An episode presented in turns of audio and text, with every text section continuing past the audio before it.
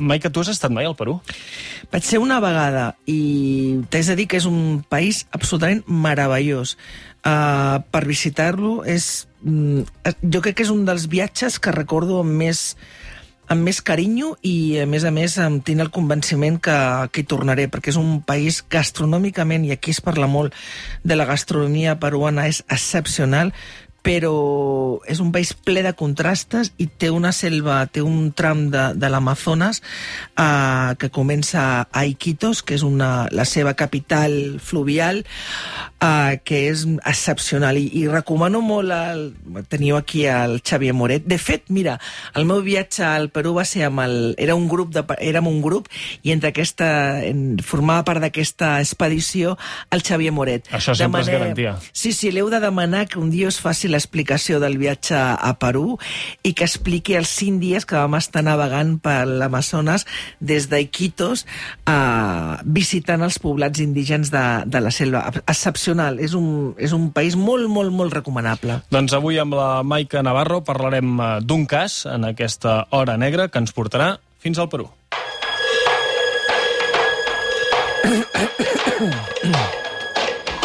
Tot bé? T'estàs enviant tant per la... Ah, sí? per la. Hòstia, saps què estava pensant? Normalment ens tallen els micròfons, però Sí, han deixat el micròfon No, obert. no, no, estava- Catalunya ha pogut no, sentir no, com no, no. t'escuraves el coll. No, no, no, estava, estava... Ara mateix havia tancat els ulls i estava, realment, estava a Perú. M'estava fotent un pisco sour i allà estava. doncs, uh, Bueno, seguim. vaja, abans de- abans d'anar a Perú per aquest uh, cas que ens explicaràs avui, crec que primer hem de passar per, per Elx, no? Hem Sí. hem d'anar al País Valencià. Allà Sí. hi ha una noia que és la protagonista de la història que ens portes avui, que es diu Patricia Aguilar. Qui és?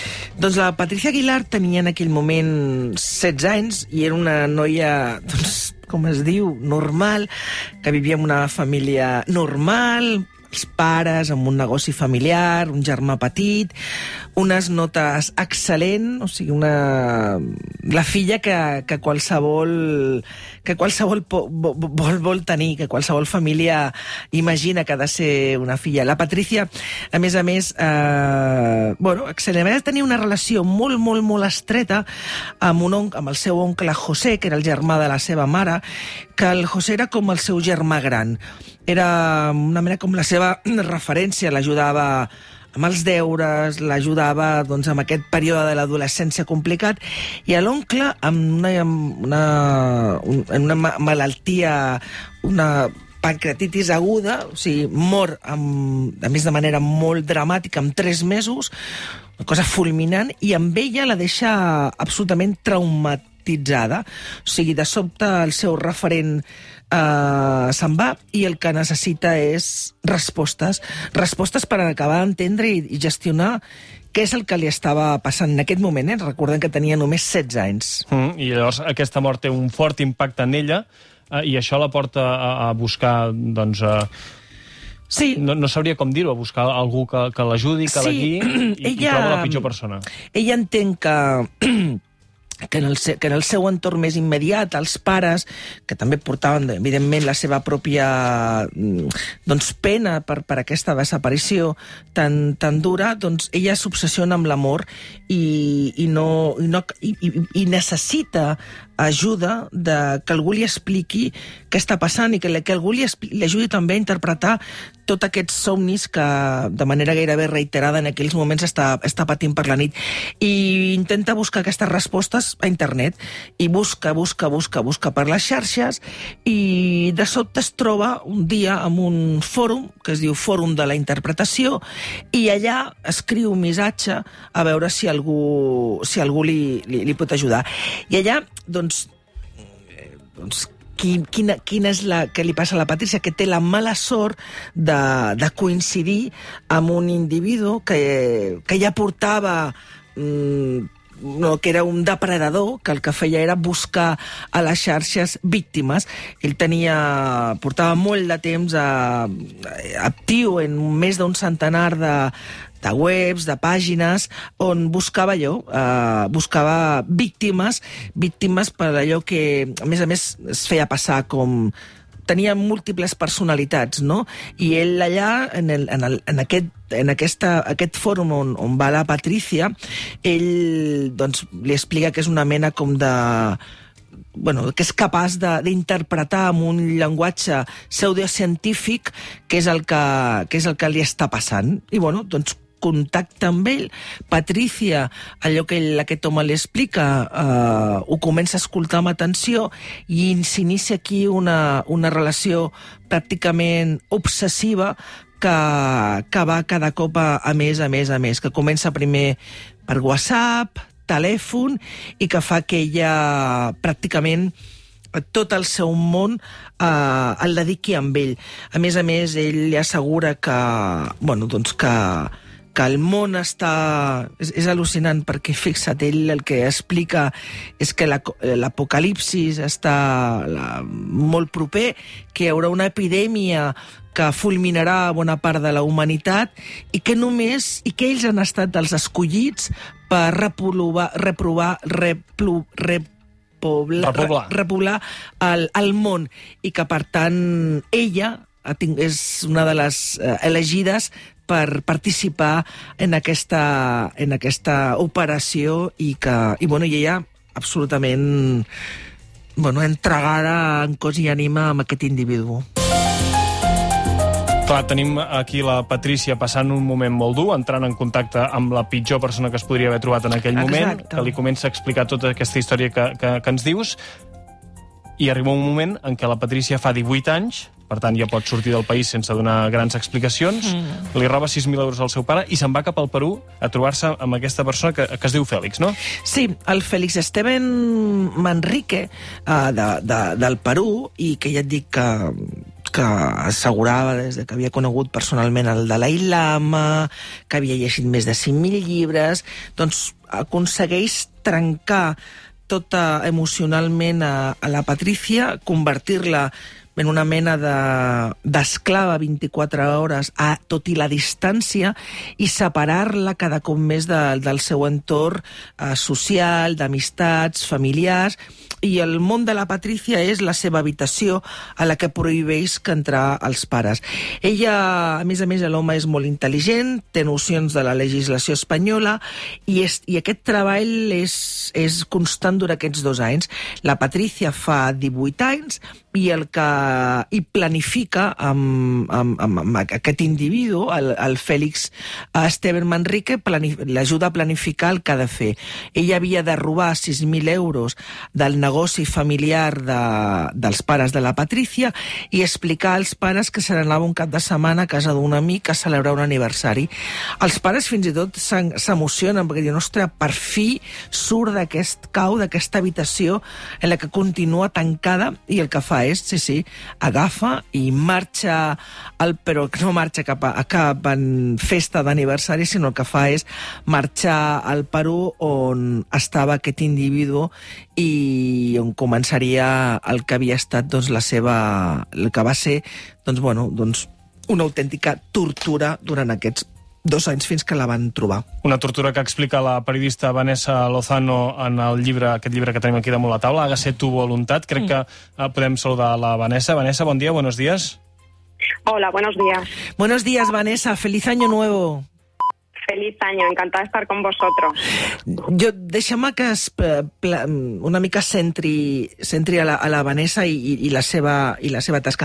La Vanessa Lozano va arribar fa molts anys a la redacció d'Interviu com a becària i allà va tenir la sort, la sort d'ella i la sort ells, de coincidir amb dos dels millors periodistes de successos que tenim a, que tenim a, a, a l'estat espanyol, que és el Luis Rendueles i el Manuel Marlaska. Tots dos els hem tingut en aquesta secció parlant de, dels seus llibres i, bueno, van, quan va arribar aquesta joveneta amb, amb moltes ganes de menjar-se al món, aparentment discreta, però per dintre amb tot un, tot un, tot un terratrèmol d'inquietuds, eh, bueno, la van apadrinar i ella va tenir, jo crec, la, la fortuna de viure i aprendre l'ofici de la mà d'aquests dos mestres i per tant la Vanessa reprodueix molt bé tot tot el mecanisme i tot l'entendre que és el periodisme de successos com li van ensenyar el Rendueles i el Marlaska. Arriba a la redacció Interviu la denúncia dels pares d'una nena de... Bueno, dels pares d'una nena d'ells de, de, que havia desaparegut i que sospitaven els pares que havia caigut en mans d'una secta. Ningú els hi feia cas, però la Vanessa, eh, des d'Interviu, comença a fer els primers reportatges i durant tots els anys acompanya periodísticament i estic segura que emocionalment els pares i amb una tieta de la de, de, la, de, la Patri, de la Patrícia amb, amb aquest acompanyament que amb aquest final feliç que aconsegueix i que tot aquest treball des d'aquest primer moment s'acaba bueno, reflectant en aquest llibre eh, Hágase tu voluntad de, de la editorial al revés. Doncs, uh, Vanessa, cuéntanos un poco, uh, se nota que, que Maika te quiere, ¿eh? uh, um, cuéntanos un poco cómo es la, la, vida de Patricia uh, um, desde que llega a Perú y, y se encuentra con Félix, ¿no? antes de este final feliz que, que ya nos avanza también Maika. Bueno, pues Patricia lo ha explicado muy bien, Maika. Eh, Patricia se marcha de España completamente convencida de que va eh, por un bien ¿no? a Perú, de que se va al lado del que durante año y medio a través de Internet pues, nos puede parecer una locura, pero durante un año y medio, eh, eh, no, no, fue un año y medio eh, de forma intermitente, con parpadeo, sino que fueron 20, casi 24 horas, día y noche, día y noche, porque él controlaba absolutamente todo su tiempo, su tiempo de sueño, su tiempo de estudio, su alimentación. Le decía por Internet incluso cómo debía depilarse, o sea, lo que es una relación tóxica desde el principio. Ella aprendió a hacerle caso en todo, eh, siempre siguiendo unas supuestas eh, normas eh, que estaban por encima de ellos, ¿no? por encima de las normas terrenales y él se convirtió en su guía espiritual y también en su en una especie de novio de pareja para ella. O sea, que ella se marcha no con un guía espiritual o con un líder de una secta, porque si las sectas, eh, si vinieran directamente y nos contaran que van a que van a abusar de nosotros, ninguno se marcharía, ¿no? De casa, y ninguno abandonaría a su familia. Eh, él le cuenta una serie de milongas a lo, eh, de una forma, como decíamos, muy lenta, muy bien trabajada, y ella se marcha convencida de que se va por un bien, de que se va a salvar el mundo, a salvar a su propia familia del, del, del inminente apocalipsis y además se marcha con su pareja, completamente convencida. Cuando llega allí, no, o sea, de la noche a la mañana no se encuentra, él, a él no se le cae la careta de la noche a la mañana. Esto empieza, vuelve a ser un proceso muy lento, eh, progresivo. Eh, él la trata en un primer momento bien, le enseña Lima, la ciudad de Lima, eh, la hace, pues casi, casi tienen una vida, pues eso, durante una primera semana de turista, ¿no? Le enseña, van a restaurantes, le enseña la gastronomía peruana eh, poco a poco, eso sí, esas eh, pequeñas eh, libertades empiezan a, desaparecer. Empiezan a desaparecer siempre en pro de un bien superior, como decíamos, el, siempre como la familia de Patricia aquí en España empieza a buscarla, denuncia su desaparición ante la policía, en medios de comunicación, tanto en España como en Perú, se hace mucho ruido, mucha presión, a pesar de que la policía poco o nada puede hacer, porque en España no hay una, no hay una ley que pene el abuso de debilidad o la persuasión coercitiva, como se hay en Francia o en Luxemburgo con lo cual los padres de Patricia desde el primer momento saben que, poco pueden hacer, porque no hay un delito aparente que perseguir. Además, Patricia es mayor de edad, marcha cuando es mayor de edad, con lo cual ante una desaparición aparentemente voluntaria poco se puede hacer.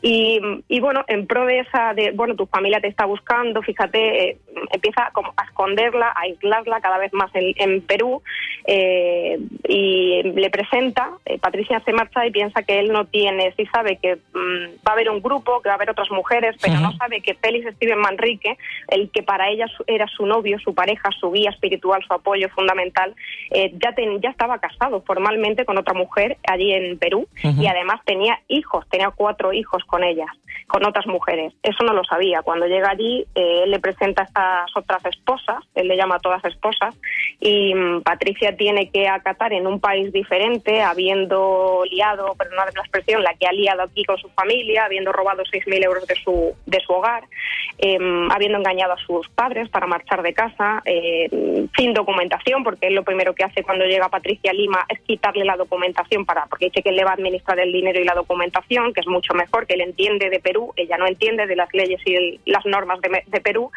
Y en ese contexto, eh, es cuando él empieza eh, a eh, inocularle de alguna manera la forma de vida que van a llevar a partir de este momento allí junto a otras mujeres y otros niños en, un, en, un, grupo. Toda la historia, Vanessa, largo... la, la uh -huh. cuentas en este libro súper interesante, hágase tu voluntad, um, que uh -huh. termina por suerte con un, uh, con un final feliz. Invitamos a todos nuestros oyentes a que se lean el libro para, para, conocer la historia. No tenemos más tiempo, lo tenemos que dejar aquí, pero vaya, nos ha encantado saludarte hoy en este 2 de enero para iniciar el año con esta Hija historia. Vanessa, que tenemos una rave que nos ha comido la mitad de la sección, perdona. Yo ahora intentaré que la semana que viene...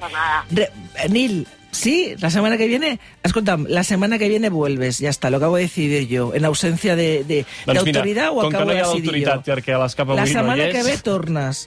Tornes i acabem d'explicar, perquè jo crec que és molt important i a més a més explicar quin va ser el paper dels pares, quina va ser la, la, el paper de la policia peruana i per tant la setmana que ve tornes, Vanessa. Doncs la setmana que ve, segon capítol d'aquest Hágase tu voluntat amb la Maica Navarro i amb la Vanessa Lozano ho hem de deixar uh, aquí. Ara farem una miqueta de publicitat i després, Maica, coneixerem, et recomano que, mira, has d'agafar el cotxe per anar cap a Sí. Llinars, no? Doncs et recomano que, que, posi, que tinguis la ràdio encesa, vaja, perquè sentiràs una història de superació d'aquestes que, ara que comença l'any, doncs dius, escolta'm, ens podem trobar davant de situacions duríssimes, però sempre, sempre, sempre hi ha la possibilitat de sortir-te'n, de trobar vies eh, doncs per recuperar la vida normal, la vida que volem. I tant.